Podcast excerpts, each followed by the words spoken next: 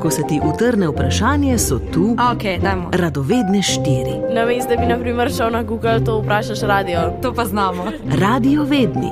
Pačeni ljudje iz radia, ki so preveč radovedni. Nahajamo se v radiovedni sferi v sredini 60-ih let prejšnjega stoletja, kjer se je v Združenih državah Amerike kot del raziskovalnega projekta razvil internet. Ključno vlogo pri njegovem razvoju je imela ameriška obramna agencija ARPA, kljub temu pa internet nima le enega izumitelja. Je rezultat dolgoletnega sodelovanja med raziskovalci in organizacijami. Med visokohitrostne kable in satelitske povezave pa je v razmišljanju zaneslo tudi našo poslušalko Jasno, ki jo zanima, kje se nahaja internet in če bi ta kraj uničili ali bi izginilo vse, kar obstaja na spletu. Odgovor smo poiskali na katedri za informacijske in komunikacijske tehnologije na Fakulteti za elektrotehniko v Ljubljani, kjer je zaposlen izredni profesor dr. Anton Kos. Zanimivo vprašanje. Za lažji odgovor moramo najprej pojasniti izraza internet in splet.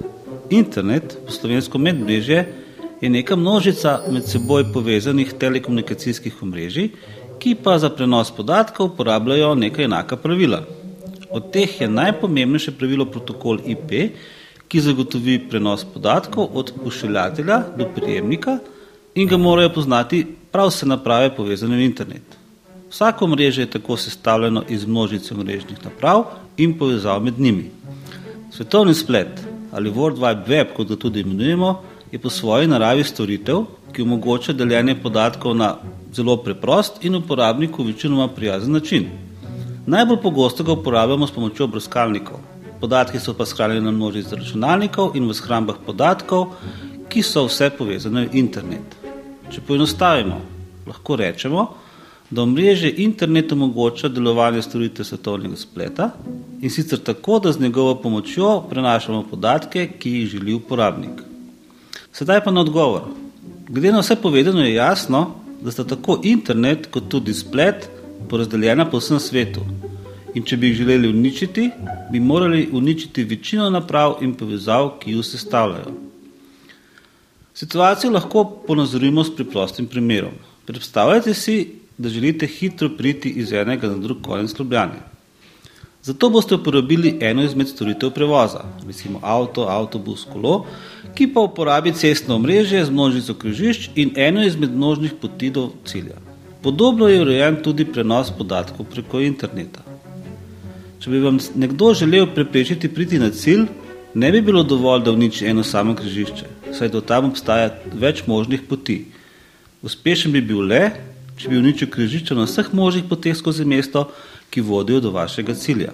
Torej, uničenje interneta in vseh podatkov na spletu praktično ni verjetno, ker je internet in z njim tudi splet porazdeljen po vsem svetu.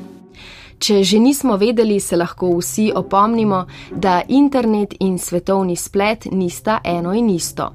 Pri razvoju interneta so imele prste vmes Združene države, kaj pa pri svetovnem spletu? Poznate prvega izumitelja svetovnega spleta?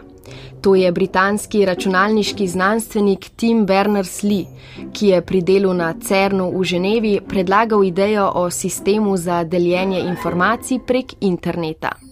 Tako so se razvili prvi spletni brskalnik, strežnik in spletna stran točno pred 34 leti. Radio vedni. Pačeni ljudje iz radia, ki so preveč radovedni. Zdaj se nam pa že mudi. Čaka nas novo radiovedno vprašanje.